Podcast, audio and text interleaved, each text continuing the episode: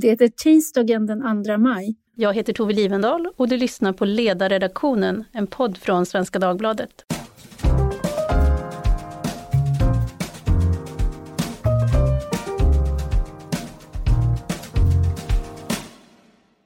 Välkomna! Dagens ämne är den svenska försvarsviljan med anledning av en nyutkommen bok i ämnet. Den heter Ryska krigsskepp dra åt helvete, en liten bok om försvarsvilja som är utgiven på Fri Tanke förlag. Och med anledning av den ska vi tala om vad är försvarsvilja, hur manifesterar det sig och vad spelar det för roll för Sverige? Med mig för att svara på de frågorna har jag bokens två redaktörer, Jenny Deschamps Berger och Patrik Oksanen, båda verksamma vid Centrum för totalförsvar och samhällets säkerhet, CTSS, vid Försvarshögskolan.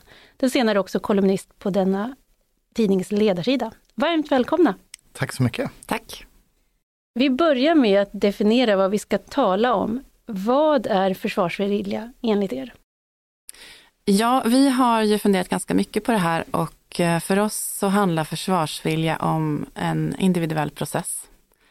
Eh, det låter ju rätt omätbart och kvalitativt orienterat, men jag kan försöka utveckla lite grann bara vad, hur vi tänker.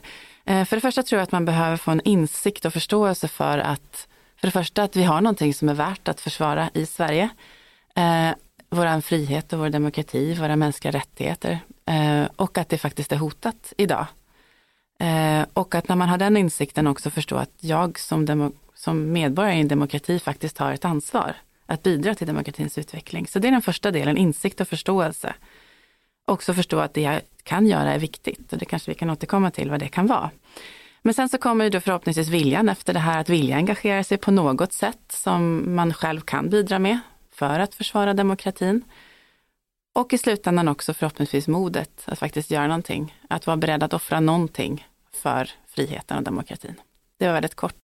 Ja, men det tycker jag var väldigt bra. Men, men det sista där, för det blir ju ändå, eh, det är väl det att det här begreppet känns abstrakt, men i, i den liksom situation där det verkligen spelar roll, då blir det en binär fråga. Är du beredd att göra någonting eller inte. Ja, precis. Är du beredd att offra någonting? För jag tror att det är i slutändan det det kommer handla om. Är du beredd att faktiskt agera? Eh, är du beredd att eh, eh, dra ner på någonting annat och på vilket sätt i så fall? För totalförsvaret som vi har i Sverige handlar ju inte bara om att gå ut med vapen i hand, utan det handlar ju också om att kunna bidra på andra sätt. Eh, den civila delen är otroligt viktig och eh, jag tror att vi behöver lyfta fram den ännu mer. Att försvarsvilja är inte bara den militära sidan utan det handlar också om den civila sidan men också försvarsvilja eh, i förväg. Alltså försvarsvilja för mig är större än, än bara när vi blir utsatta av ett väpnat angrepp eftersom det handlar om att skydda demokratin och skydda det som är värt någonting i Sverige. Eh, och tillsammans med andra demokratier så får vi ju börja med det redan idag. Patrik, vill du addera någonting till det? Ja, men det finns mycket man kan addera i det här och, och det är ju alltså Ytterst, ytterst så handlar det ju om att människor i en väldigt, väldigt utsatt, pressad situation, det värsta vi kan tänka oss i krig, då gör saker och ting för att samhället ska fungera. Här är ju Ukraina ett fantastiskt exempel med, med kanske sådana här små symbolsaker som vi kan le lite grann åt. Som att man delar ut parkeringsböter och fortkörningsböter fortfarande i Ukraina. Det kan ju kännas som lite futtigt. Kan man inte slippa det då? Kan man inte slippa det? Men samtidigt så blir det en symbol för att samhällets funktionalitet, samhällets avsikt att vara ett samhälle fortsätter att fungera även under de värsta omständigheterna. Det är liksom ett exempel som vi kan le lite grann åt. Sen i boken så lyfter vi fram andra exempel där, där det är mer så att säga liv och död. Eh, och då är titeln då i boken Ryska krigsskepp dra åt helvete. Det är ju vad, vad man svarar på Ormön på krigets första dag till eh, då, det ryska flaggskeppet Moskva när de uppmanar dem att kapitulera. Ryskt krigsskepp dra åt helvete. Eh, det är, det är så att säga mer knivskarp. Och, och den här boken innehåller också fler exempel på, på sådana situationer i historien. Där det har kommit ner på en individ vid ett tillfälle som, som är med och förändrar ett, ett mycket större skeende och har en avgörande betydelse. Jag tänker på att eh, det kan ju också påverka det här med då, även om jag kanske skulle föredra att man tog hand om blomplanteringarna snarare än att lappade bilar som har parkerats fel. Eh, med tanke på att kanske ägaren av bilen befinner sig vid fronten. Men, men jag tänker att det kan spela roll för just det som Jenny är inne på, att du ser att ja, men det här är det samhälle som vi känner igen, det är fortfarande, det finns kvar och det är fortfarande värt att försvara. Att det kan ha en sån funktion också, att man inte låter allting bara förfalla. Absolut. Och det är, det är faktiskt en av grundtankarna med det totalförsvar som vi nu ska bygga upp igen att samhället ska fortsätta fungera. Det är därför alla behövs och alla är viktiga. Och tanken med att alla eh, 16 till 70 år har totalförsvarsplikt till exempel, och att tjänsteplikten gäller för dem, det är ju att, att alla ska gå till jobbet som vanligt för att samhället ska fortsätta fungera. Precis av den anledningen. Om vi då håller fast vid det här att försvarsvilja är en känsla och den nås individuellt, då blir frågan hur den kan påverkas. Och där lät MSB eh, hade Kantar eh, Public som fick göra en webbaserad enkät i oktober 2022 om svenskars försvarsvilja. Och vi ska prata lite om den. Jag läser upp några av resultaten här och har lite frågor till er. 94 procent anser i den här undersökningen att Sverige är ett bra land att leva i. Och här tänker jag att det just manifesterar att om 94 procent anser att Sverige är ett bra land att leva i, då finns det ju någonting som är värt att försvara. Absolut, det här är ju en illustration av ett fungerande samhällskontrakt också. Att Sverige är ett bra land, Sverige är värt att försvara. Det vi har här och byggt upp under hundra år med, med demokrati och dessförinnan många generationer i, i, i, i det här landet. Det har vi då nått en grad av välstånd, frihet, rättigheter eh, som är, är bra. Vi gillar det. Och den här bilden tänker jag är bra att sätta i relation till, vi har precis varit igenom en valrörelse och då får man ju lätt intrycket att alla är missnöjda med allting. Men den här är ju ganska, den ger en liten annan bild. Den gör ju det och det, det är viktigt att ha med sig. Ja, det visar ju faktiskt också att politiker eh, tar ansvar. Eh, därför att det är det som samhällskontraktet handlar om. Att, att staten ska ge först det som medborgarna behöver för att sen medborgarna ska ställa upp för staten. Eh, det som JF Kennedy faktiskt sa när han pratade om det här, eh, don't ask what eh, your country can do for you, ask what you can do for your country. Men han sa också, och ni ska förvänta er precis samma sak av oss, att vi ställer upp för er och ser till att, att, det, att landet fungerar för att ni ska ställa upp för landet. Det är den här reciproka relationen. Eh, nästa eh, siffra här då, 77 procent uppger att det är en självklarhet att hjälpa andra vid kriser och olyckor, apropå Kennedy då. Och 60 procent uppger att de har blivit hjälpta vid en olycka eller kris. Vad tänker ni om de här siffrorna? Jag tänker spontant att de borde vara högre. Mm, jag håller med, de borde vara högre, absolut. Samtidigt så får vi också då fundera på vad lägger man i de här begreppen? Eh, tänker man kris och olycka så kanske man tänker så här, oj, jag kan inte hjärt och lungräddning. Men eh, samtidigt så kan det vara som så att jag kan hjälpa till med en filt, jag kan eh, ta, ta hand om, om barn som behöver tröstas, ehm, jag kan eh, bära vatten till de som, som släcker bränder. Ehm, jag tror att man kanske ibland läser in för mycket i frågeställningen och tänker att oj, det känns överväldigande, jag har inte de här kunskaperna. Ehm, utan att riktigt förstå att det finns andra sätt att hjälpa till med. Mm. Ja men det är sant. Vi, det, det är, jag brukar själv när jag får sådana här enkätundersökningar så blir jag alltid frustrerad över hur frågan är ställd och tänker mm. att men jag vill ha ett annat svarsalternativ så att det är klart att det beror lite grann på hur också frågan är ställd och vad man lägger i den. Det är en bra kommentar. 70 eh, säger den här undersökningen att de vet vad civilt försvar är. 40% uppger att de omfattas av totalförsvarsplikten och 30% uppger att de inte vet. Och här blir det ju ganska spretigt. De, det är 30 procent som inte vet vad ett civilt försvar är. Det kan möjligen vara de 30 procenten som inte vet om de omfattas av totalförsvarsplikten. Och sen vet vi ju inte åldern då, det kan ju hända att eh, har man svarat att man inte omfattas så kanske man är då eh, i ett annat åldersspann. Men med tanke på att det är så stort så tror jag inte riktigt att det är så. Men vad, vad tror ni om den här, vad ser ni i de här siffrorna? Alltså jag som har jobbat med de här frågorna eh, ganska länge blir ju ändå positivt överraskad. Eftersom vi har inte pratat om de här frågorna i Sverige på närmare 30 år och vi har precis börjat. Eh, det har ju bara varit några år som vi har ens diskuterat civilt försvar och eh, totalförsvarsplikt och, totalförsvar vad det är. Så att jag blir nästan, jag blir glad. Sen har vi mycket kvar att göra men det är en, det är en bra början skulle jag säga. Ja, det är en grund att stå på. Så. Sen, sen kan vi önska att eh, man hade byggt 17 våningar på huset, men, men eh, vi är där vi är. Just det. Och hade det varit 100 procent då hade vi ifrågasatt undersökningen. Då hade det varit lite väl mycket Nordkorea över det hela. 50 procent känner sig som en del av Sveriges beredskap och 40 procent uppger att de skulle klara sig i minst en vecka om viktiga samhällsfunktioner slås ut. Och det innebär ju då att 60 procent uppger att de inte skulle göra det. Eh, är slutsatsen av det att vi behöver skicka ut fler broschyrer eller vad tänker ni? Jag tror att slutsatsen av det är ju precis det vi gör i den här podden. Vi behöver prata om de här frågorna, vi behöver prata om dem brett och man behöver prata om dem i, på sin arbetsplats, man behöver prata om det i sin familj, vi behöver prata om det i poddar. Och, och så småningom här så kommer det att bli en behov av en uppdatering av den här broschyren som skickades ut 2018 om krisen eller kriget kommer. Och vi ska komma ihåg att den broschyren är ju en, en, en, en del av en kontinuitet. Den första gången vi skickade ut det till, till hela befolkningen, det var ju 1943, mitt under andra världskriget. Så att den här har ju uppdaterats med jämna mellanrum.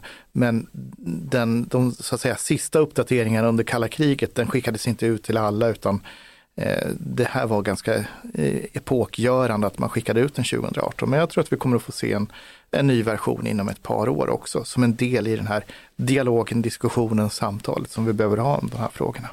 Just det, och då har vi också med oss eh, erfarenheterna från pandemin. Det var ju ett enormt stresstest av hela samhället och ja, min egen bild är ju att det fanns verkligen punkter där Sverige så här, rätade på ryggen och gjorde, ja, tog väldigt stort ansvar och sen fanns det andra punkter som fallerade men där det kanske mer hade, handlade om den offentliga delen av det hela. Men det finns ju med där som kunskap, men också tänker jag på att det blev så otroligt ojämnt också med tanke på hur vår befolkning ser ut. Att eh, vissa nåddes liksom inte, det blev som de parallella samhällena visas även där. Så att här tänker jag att det finns, det finns eh, eh i uppdateringen så behöver man ha med sig det. Eh, jag vill också ta upp en undersökning av eh, Totalförsvarets forskningsinstitut från 2021. I den svarade 49 procent när det gällde försvaret av Sverige att de kunde tänka sig en stridande roll med fara för livet. 77 procent kunde tänka sig en icke-stridande roll med fara för livet och 84 procent en icke-stridande roll utan fara för sitt liv. Och här fanns det också en markant skillnad mellan män och kvinnor. Eh, är det här bra eller dåliga siffror om man jämför med andra länder?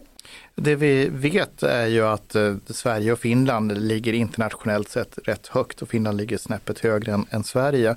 Och, och, det är ju små demokratier i Rysslands närhet där det finns en insikt om att det finns en hotbild. Eh, Medan demokratier som ligger längre bort så att säga och inte har ett direkt hot, de brukar ha lägre i den här typen av siffror. Eh, så att, så att det är relativt bra. Sen kan man ju ställa frågorna på lite olika sätt och i de här mätningarna. Eh, men sen om vi tittar på de absoluta siffrorna så tycker jag ändå att 49 procent säger att de är beredda att försvara Sverige med, med vapen i hand. Det är en hög siffra därför att det är inte 49 procent av Sveriges befolkning mellan 16 och 70 som har gjort en, en värnplikt med vapen. Så det är en högre siffra än de som har genomgått den utbildningen. Det tycker jag är, är en bra siffra. Sen är det ju en, en eh, ganska hög siffra också på, på icke eh, stridande roll också. Just det.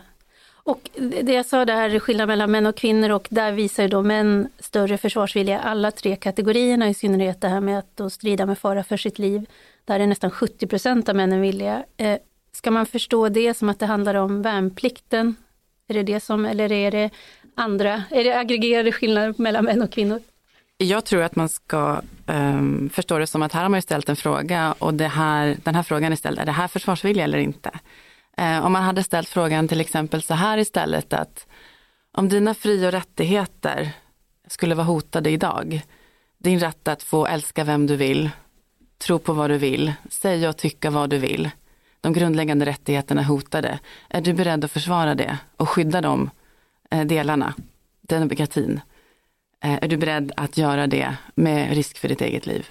Så kanske man hade fått en annan svarsfrekvens, en annat, ett annat resultat. Så jag tror nu är vi tillbaka igen på det som Patrik var inne på, det beror lite på hur man ställer frågorna.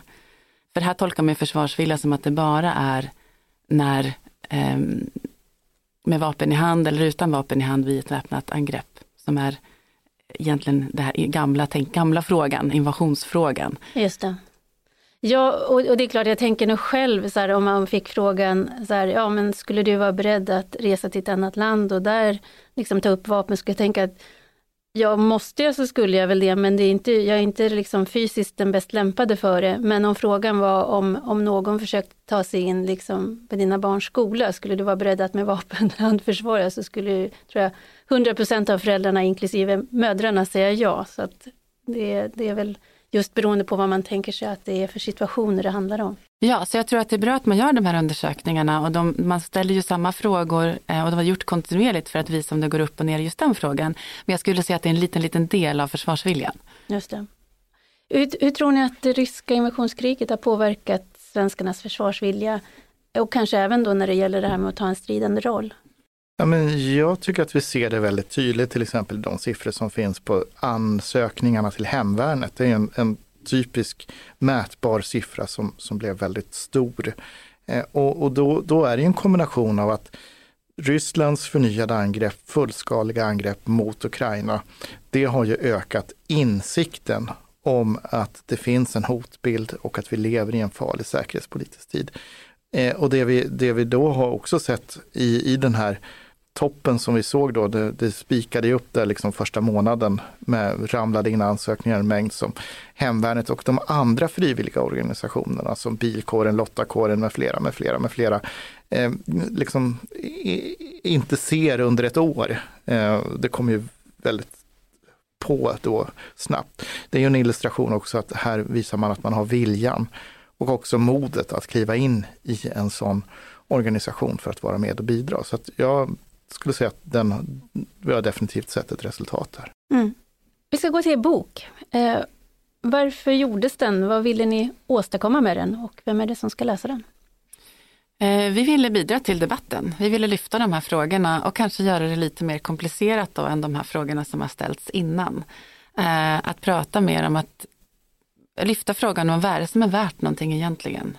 Och hur, hur kommer det manifesteras när, när det blir skarpt läge? Hur tänker du kring de här frågorna? Och eh, när vi satt och funderade på vad boken skulle innehålla så var det precis det vi ville förmedla. Insikt, vilja och mod i olika typer av kapitel, olika stories för att visa på.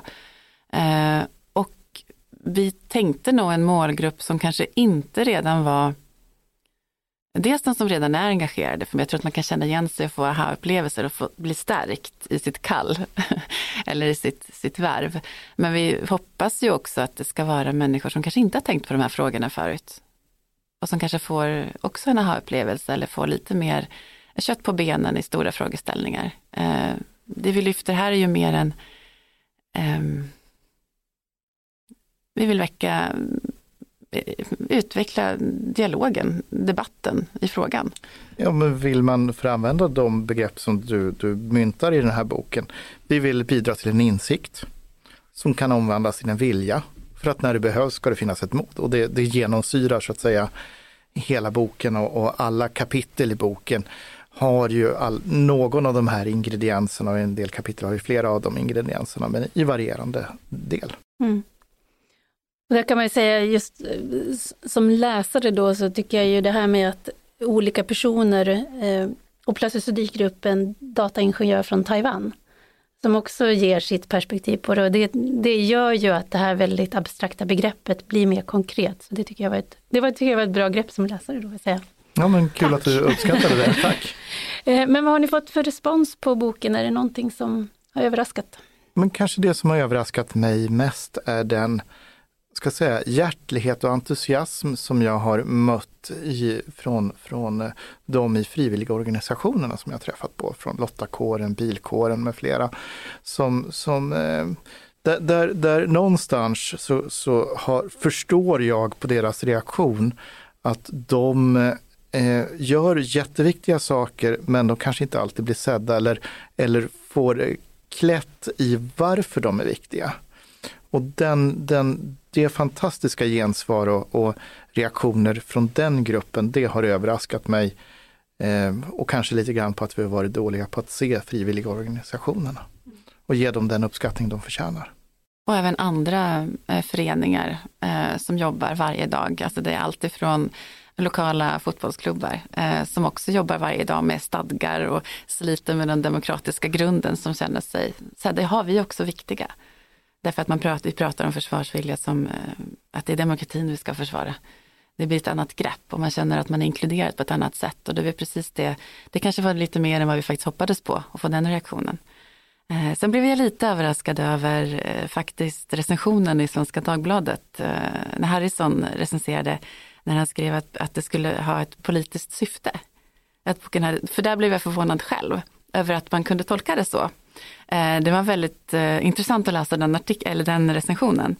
Eh, men vi, jag, jag som är Eh, som så råbyråkrat eh, känner jag att det var, det var väl kanske inte riktigt det som var tanken, men intressant att man kan tolka det så. Och vi tänker att det här är större än politik, det här handlar om existentiella frågor eh, som ska gå utanför, eller över, eller runt omkring. Eh, eller genomsyra all typ av politik egentligen. Mm. Ja, jag, jag, tyckte ju själv att den var påfallande det var så frånvarande av alltså polemik eh, och polarisering. Så att, eh, för mig så blev det inte en politisk bok på det sättet. Men det är klart att jag tänker på det du berättade Patrik, att det här med reaktion att det blir ju konturen av ett vi, eh, som i en tid nu när vi är ganska splittrade, det är hela västvärlden, men också även inom länderna. Så jag tror att det är kanske också av det skälet välkomnas, att man känner att ja, men här är ändå det här viet som någonstans ska försöka ta sig igenom en tid som är rätt svår.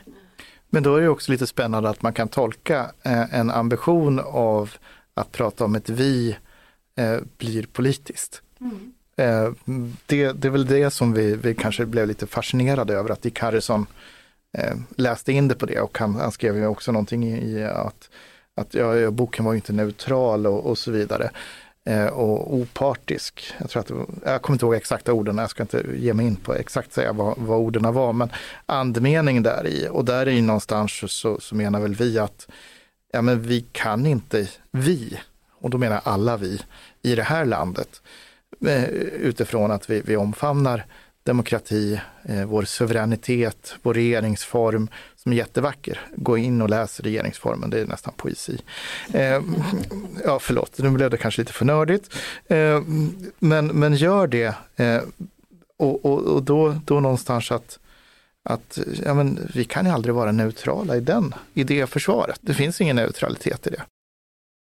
Nu, som man brukar säga, nu är inte Dick Harrison här och kan förklara Nej. vad han menade. Men, men jag tänker att det är ju ändå, alltså, för även om eh, vi som sitter i det här rummet just nu har varit medvetna om farorna och världen så som den i vissa avseenden tyvärr har utvecklats under längre tid än innan den 24 februari 2022, så har det ju, det får vi ju ändå tillstå att politiskt så har ju, eh, så här, det har ju inte funnits ett, ett, stort intresse och det har eh, frågan om hur Sverige ska kunna försvaras har ju, ja, det har ju inte funnits på, i medvetandet. Så att det kanske också det att den som nu talar om behovet av att vi måste rusta oss på olika sätt, att ja, jag försöker förstå positionen, att det kanske kan finnas något i det som ändå uppfattas då som att eh, politiskt därför att det kräver politiskt engagemang och prioritering. Så är det och, och lägger man in den betydelsen i det, ja då kan man definitivt säga att den politisk bok, men den är inte partipolitisk. Den är inte, det finns ingen, ingen ingen skillnad i, i, i, politiska ståndpunkter i den här boken som, som eh, jag tycker att det här också illustreras av kapitlet då med Vänsterpartiets eh, försvarspolitiska talesperson Hanna Gunnarsson och Paul Jonsson då som var ordförande i försvarsutskottet som är nu försvarsminister men när, när boken skrevs så, så, så, var han också riksdagsledamot. Eh, där det handlar om att politiken kommer överens i ett krisläge och det är ju efter då det förnyade angreppet mot Ukraina och man tar i hand alla politiska partier och blir överens om mer pengar till försvaret och både på längre sikt och på kort sikt. Eh, och den här överenskommelsen då att moderater och vänsterpartister som traditionellt sett aldrig brukar komma överens om, i de här frågorna, eh, då tar i hand. Och det är liksom som så att säga ett, ett symbol för, för viet i boken. Just det, jo, i, det, det finns ändå gemensamma intressen det finns gemensamma intressen även om vi kan träta om massa andra saker vi är inte alls neutrala när det handlar om att försvara demokratin. Där är ju, vi är ju rysligt oneutrala skulle jag säga, för det är precis det det handlar om. Eh, att det är demokratin vi ska försvara och eh, ehm, om det är det som är det politiska syftet så absolut, då finns det ju ett politiskt syfte att vi bör rusta oss både mentalt eh, och resursmässigt, alltifrån hemberedskap till att kunna möta väpnade angrepp. Så där är vi ju inte neutrala då, om det är det man menar och det kan jag förstå. Ni får helt enkelt ta och bjuda Dick Harrison på en kopp kaffe och reda ut saken. Gärna. Eh, vi ska återkomma till, till ändå politiken så småningom här, men jag vill bara skjuta emellan med en sak. Det var nämligen så att när jag skrev, jag skrev en artikel om er bok och eh, det fick ett antal läsare höra av sig och en av dem tycker jag återkom med ett sånt intressant perspektiv att jag bad honom utveckla det i en artikel som vi publicerade den 16 april. Och det, eh, den är skriven av brandforskaren Rickard Hansen som önskar att vi tog tillvara hans tidigare yrkeskårskompetens i försvaret. Han skriver så här. Det som ställer till det i mitt fall och för många andra brandkollegor är avsaknaden av ett system där man fångar upp och tar vara på kompetensen och kunskaperna från brandbefäl som inte längre arbetar inom räddningstjänsten. Min erfarenhet är tyvärr att den dagen du kliver ut från brandstationen upphör att existera i brandkårsvärlden trots decennier med erfarenheter, kunskaper och åtskilliga kronor investerade i utbildningar. Reservofficerssystemet som finns i Försvarsmakten återfinns inte inom räddningstjänst eller civilt försvar. Det som finns är mindre resurser som MSB satt upp och som ofta är ämnade för utlandsuppdrag. Vad tänker ni om hans synpunkt? Jag tycker det är otroligt viktigt att hans synpunkt och flera kommer upp. Eh, det är mycket jobb att göra inom det civila försvaret och eh, eh, nu kommer man ju med civilplikten Eh, där man börjar med räddningstjänsten och jag tror att det området, där finns det massor av positiva krafter och han har helt rätt i att vi behöver eh, ta tillvara engagemanget som finns. Eh, precis som man gör då i reservofficerssystemet i Försvarsmakten. Därför att det, det staten ska göra här för att upprätthålla engagemanget eller viljan, det är att faktiskt skapa plattformar. Och det här är ju, han, han eftersöker ju en sån, precis en sån plattform eh, inom det civila försvaret. Också för att faktiskt få det civila försvaret att bli lika, få samma tyngd som det militära försvaret. För att vi ska få den här totalförsvarstanken om att hela samhället behövs, alla behövs. Så är det jätteviktigt. Mm. Och viktigt att han eh, och flera lyfter de här synpunkterna. Det låter som självklart för mig att han borde vara krigsplacerad utifrån den erfarenhet han har. Och eh, här finns ju mycket som inte har blivit gjort därför att vi hade ett bara ett krisberedskapssystem inom citationstecken under många år. Och då behövdes inte hans kompetens. Eh, och därför tror jag att den här situationen har uppstått. Mm. Ja, det känns som att det är så lågt hängande frukt att om vi redan har en massa kunskap så bör man ju liksom använda den. Så det, ja. Vi ska gå till eh, politiken då och då vill jag veta vad ni ger för betyg till den nuvarande regeringen när det gäller den här frågan om försvarsvilja och hur vi både här, uppmuntrar den och tar tillvara den. Eh, är den här frågan på radarn uppfattar ni och i så fall har man rätt intentioner? Finns det konkreta förslag på bordet och hur ser det ut med politikernas vilja och handlingskraft? Ja, jag skulle säga att man eh, har frågan på radarn. Eh, man säger från regeringens och regeringsföreträdarnas sida många bra saker. Man säger rätt saker i många avseenden. Eh, så där är det inga problem. Där är det, är det högsta betyg, vilken betygsskala vi nu än vill, vill, vill, vill sätta. Sen kommer vi in på det här med eh, att omsätta det i handling därför att vi har ett stort system eh, som är ganska trögt och eh, ska du få fart på det så, så har ju regeringen tre sätt att göra det på. Det ena är ju så att säga opinionsbildning och prata om saker och ting. Det kostar ju ingenting om vi ska vara lite cyniska. Eh, och sedan så är det ju med, med styrmedel som, som är, det kan vara eh, regleringsbrev, lagstiftning, förordningar och sen är det medeltilldelningen. Och, och där kan vi väl säga då att, att eh, eh den takten på de två senare skulle behöva gå ännu fortare. Och för ett par dagar sedan så, så kom ju nyheterna om att Försvarsmakten då behöver dra ner verksamhet på förbandsnivå för att spara pengar, för pengarna räcker inte. Och, och det är ju en, en, i den här situationen helt obegripligt att det här kom, behöver komma kort efter vårändringsbudgeten där de har fått mer pengar men inte fått tillräckligt med pengar. Så ska vi komma ihåg att den civila delen av totalförsvaret fick i stort sett inga pengar. Det kanske var lite pengar till lite vatten. Va? Och så tittar jag på Jenny här. Nu kanske jag låter lite för vanvördig. Hon, hon skakar på huvudet. Hon får komplettera vad det var där. Men det var i alla fall väldigt lite pengar. Eh, och där behöver man göra mer snabbare menar jag. Mm, sen, sen eh, det, det som jag lite satt och skakade på huvudet åt är också det här att man säger att eh, ja, det är jättebra med pengar, men vi måste också ha, alltså, vi måste ha kompetensen. Och där har man ju, där har man ju så länge eh, under så lång tid och nu kommer jag upprepa mig kanske men vi har ju under 30 år inte pratat om vad är totalförsvaret? Vad är civilt försvar? Hur ska vi prioritera i samhället om det händer någonting? Och det är de frågorna som jag tycker att vi kanske ska börja med. Att diskutera i grupp, eller vad Men att, att prata om att där kan regeringen också, jag tycker man har varit tydlig. Förra regeringen började, det var faktiskt de som tillsatte utredningen som sedan utmynnade i det nya systemet som vi har skapat för totalförsvar och för krisberedskap också. Ehm, och den nya regeringen där man, där man fortsätter på den vägen att, att göra nytt och att tänka på de här frågorna. Men vi har haft så lång tid i ett vakuum, ska, ska jag säga, att man måste, hem, man måste få kompetens innan man, gör, innan man får pengar. Ehm, det är ju sen gammalt, det är bra att veta vad man håller på med innan man får mycket resurser. Eh, och det är svårt, det är jättesvårt för myndigheter, länsstyrelser, civilområden att faktiskt prioritera rätt. Eh, så det, det, behöver få ta lite tid. Och där är ju, för problemet här är ju att politiker är ju då, jag menar dels så ska de ju inte gå in och detaljstyra verksamheten, men i deras verktygslåda för att också då samtidigt signalera att vi tar den här frågan på allvar så blir just pengar, det blir den enkla grejen. Det blir så, vi satsar si och så många eh, miljoner på det och det. Eh, men det blir lite bakvänd ordning om jag förstår dig då. Ja, det blir bakvänt därför att eh, kompetensförsörjningssystemet är någonting som man, som man tar upp väldigt mycket nu i, i alla fall den civila delen av totalförsvaret och även så mm, eh, Försvarsmakten har ju eh, hävdar ju att det behövs otroligt mycket kompetens för att nu ta hand om värnpliktiga, se till att man får upp äta tillväxten av nya officerare. Och så.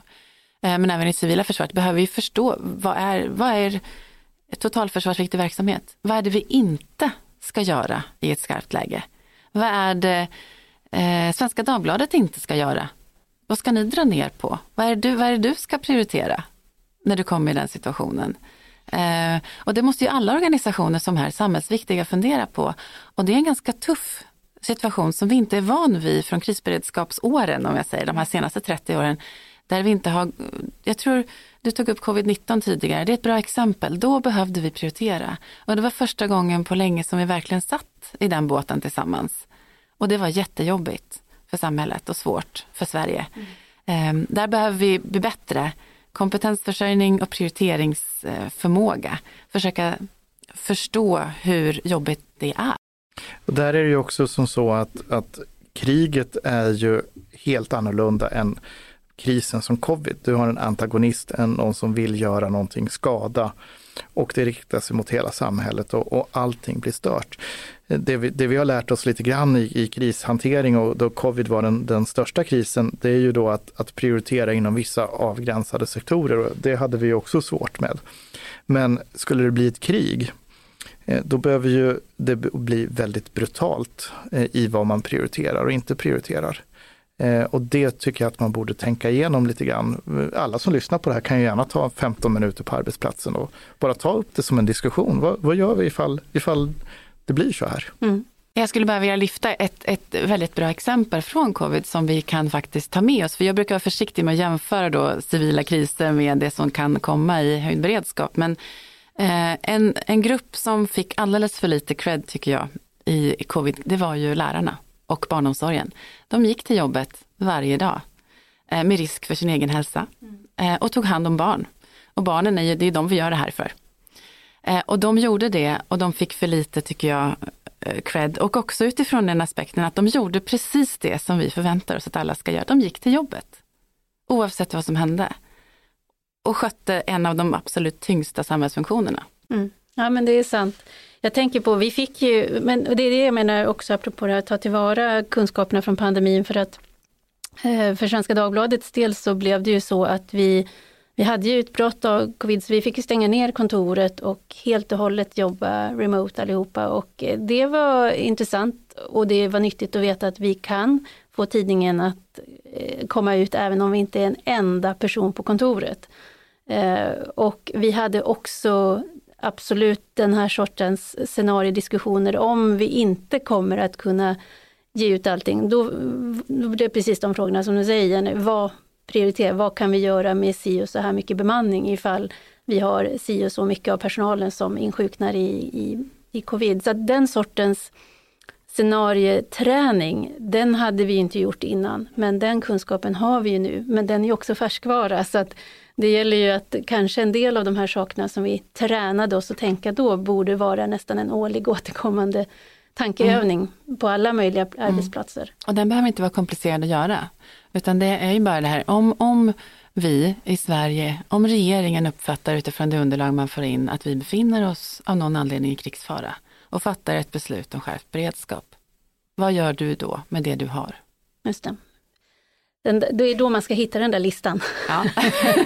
och det underlättar ju om man har hunnit reflektera kring det i förväg för att mycket av, av vår reaktion kommer ju att styras i vad, vad finns i våra huvuden och eh, ju mer vi övar på, på att tänka, desto bättre kommer vi att kunna hantera frågorna. Innan vi lämnar, släpper politikerna här, om ni, har ni någon, har, hur ser det ut på er önsklista? Finns det någonting där som att ja, men det här borde man göra nu? Oj, det finns, det finns så mycket, men jag tror, det jag tycker eh, vi riskerar att göra nu, det är att vi bygger upp ett militärt och ett civilt försvar istället för att bygga upp ett totalförsvar. Så jag skulle vilja att alla fokuserar på totalförsvaret. Och då menar jag från regering ner till kommuner, regioner och frivilliga försvarsorganisationer. Och också medborgare. Alltså vad är, vad är viktigt i totalförsvaret? Och hur och det görs låter... det rent praktiskt? Alltså är det så att man ser till att så man samlar inte bara så här, alltså, om man tänker sig i, i det här häradet olika stuprör utan har alla med samtidigt eller hur, hur gör man det rent praktiskt? Men det är ju att, att du som, som person, som medborgare kommer att vara viktig i totalförsvaret. Men det är inte säkert att den verksamhet som du bedriver just nu är den viktigaste. Och då kunna ställa verksamheten åt sidan och inse att jag är viktig som, som medborgare men inte den här personen. För det, det, är också en viktig tanke, jag tror att den behöver vi bära med oss. För att alla aktörer, de flesta aktörer tänker fortfarande hur ska vi göra? Men det är inte säkert att det behöver finnas kvar. Men att man tänker sig också mentalt att jag kommer kanske behöva göra någonting annat. Men jag kommer behövas. Jag skulle vilja se en, en, eh, en insikt om det allvarliga läget i våra processhastigheter det går alldeles för långsamt. Det, vi tuffar fortfarande på som om vi har en massa tid. Att vi skulle börja bygga upp den civila delen av totalförsvaret och bygga ett totalförsvar, det, det har vi vetat nu ett halvdussin år och vi är fortfarande någonstans mellan startblocket och, och startlinjen, höll jag på att säga, men alltså hela kroppen har väl inte gått över, gått över startlinjen, men, men fötterna har väl lämnat startblocket. Där någonstans är vi på, på ett ganska långt lopp. Så de har i alla fall slutat jogga längs sidlinjen? Ja, uppvärmningen och stretchningen är, är över. Startskottet har gått, men, men där är vi någonstans. Det här behöver gå fortare. Och för att det ska gå fortare så, så måste vi, vi, vi måste ha en insikt i att vi måste processa det fortare. Vi kan inte göra det på det sätt som vi har haft tidigare. Ska man förenklat beskriva problemet så kan man säga så här att det har funnits jättemycket tid men väldigt lite pengar tidigare. Nu finns det mer pengar, men tiden är borta. Och att ställa om vårt system till den verkligheten, eh, det har nog visat sig vara mer svårare och mer krävande än, än, än vad vi kanske hade förstått. Eh, vi ska börja runda av, men i, jag måste ta upp det här, i ett gemensamt kapitel i boken, då skriver ni om det här, den liksom retoriska institution som kallas talet till nationen. Och ni tar upp Volodymyr Zelenskyjs remarkabla förmåga att via talet artikulera Ukrainas situation och hållning och behov av hjälp. Som jag tror har spelat väldigt stor roll för omvärldens förståelse av det som sker där. Men ni nämner också politiska ledare som de Gaulle och Churchill.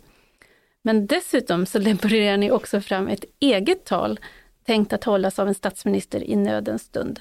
Varför gjorde ni det? Vi gjorde det för att vi ville kanalisera så att säga bokens helhet till läsaren i slutet. Att, att eh, där i så, så blir det en röd tråd. Olika beståndsdelar i boken kommer ju in i det här talet. Eh, och vi ville då ge en, en känsla av hur kan det här bli på riktigt? Hur, hur manifesteras det här i en svensk kontext? Som en del i att öva oss att tänka det otänkbara och därigenom konkretisera det utifrån eh, då egentligen insikt, vilja, mod. Och så ville vi själva också försöka då försöka oss på att hur, hur skapar man mod när det händer någonting? Och talet är ju tänkt att inspirera till att vi ska sträcka på oss och känna det här, det här, det är det här vi ska kämpa för. Och jag är viktig. Och nu bidrar jag med det jag kan. Hur, hur gjorde ni? Läste ni högt för den och så deklamerade eller hur gick det till? Ja, vi, vi, det, man önskar att det hade varit en tillställning med tre flaskor champagne och en lång inspirerad afton. Men, men det, var, det var nog mer prosaiskt och processinriktat med, med olika versioner som skickades fram och tillbaka och inte så, så kreativt grandios som, som det egentligen borde ha varit. Men vi testläste det för kloka kollegor eh, som fick komma med synpunkter innan vi och var det som på film då med sån här vacker musik, stämningsfullt i bakgrunden? Nej, det var ett tråkigt eh, mötesrum utan fönster. Det får ni göra bättre nästa gång. Ja, men jag vill säga då att Filip Sandén har ju läst det här talet i Kulturhuset i, i Stockholm för publik. Mm. Eh, och det, det var så mycket nära den här idealbilden som du vill komma efter. Så att där fick vi ju lite knottringar på, på huden, ståpäls på huden och, och ja, sådär. Eh, så det, det var en eh, fantastisk upplevelse. Ja, det var det. Han gjorde det fantastiskt bra. Det finns på Youtube. Så han, han bidrog till det där talet. Han, det var han som gjorde det riktigt, riktigt bra faktiskt. Det är så man börjar måndag morgon, då mm. tittar man på Philips Sandén. Finns det ett sånt här tal liggandes på statsministerns rum, tror ni, i beredskap? Jag tror att eh, regeringen har, om de inte har det klart i byrålådan så vet de nog. Jag tror att de är redo för det här talet. Vi hoppas det. Vi utgår ifrån det. Mm. Utgår ifrån det. Stort tack Jenny Dechampsberger och Patrik Oksanen för att ni ville gästa mig i podden idag och berätta om er bok. Tack så mycket. Jag kan också varmt till lyssnarna rekommendera den här boken, Ryska krigsskepp dra åt helvete. Kärnfull, finns på Fritanke förlag. Och för den vars försvarsvilja eller nyfikenhet har väckts eller stärkts under det här samtalet och lett till frågor om hur man själv kan bidra så finns det då också 18 militära och civila frivilliga försvarsorganisationer. De hittar ni förstås enkelt på nätet, men de finns också listade längst bak i boken. Tack till er som har lyssnat idag. Har ni frågor eller synpunkter kan ni kontakta oss på ledarsidan svd.se. Producent idag var Jesper Sandström. Tack!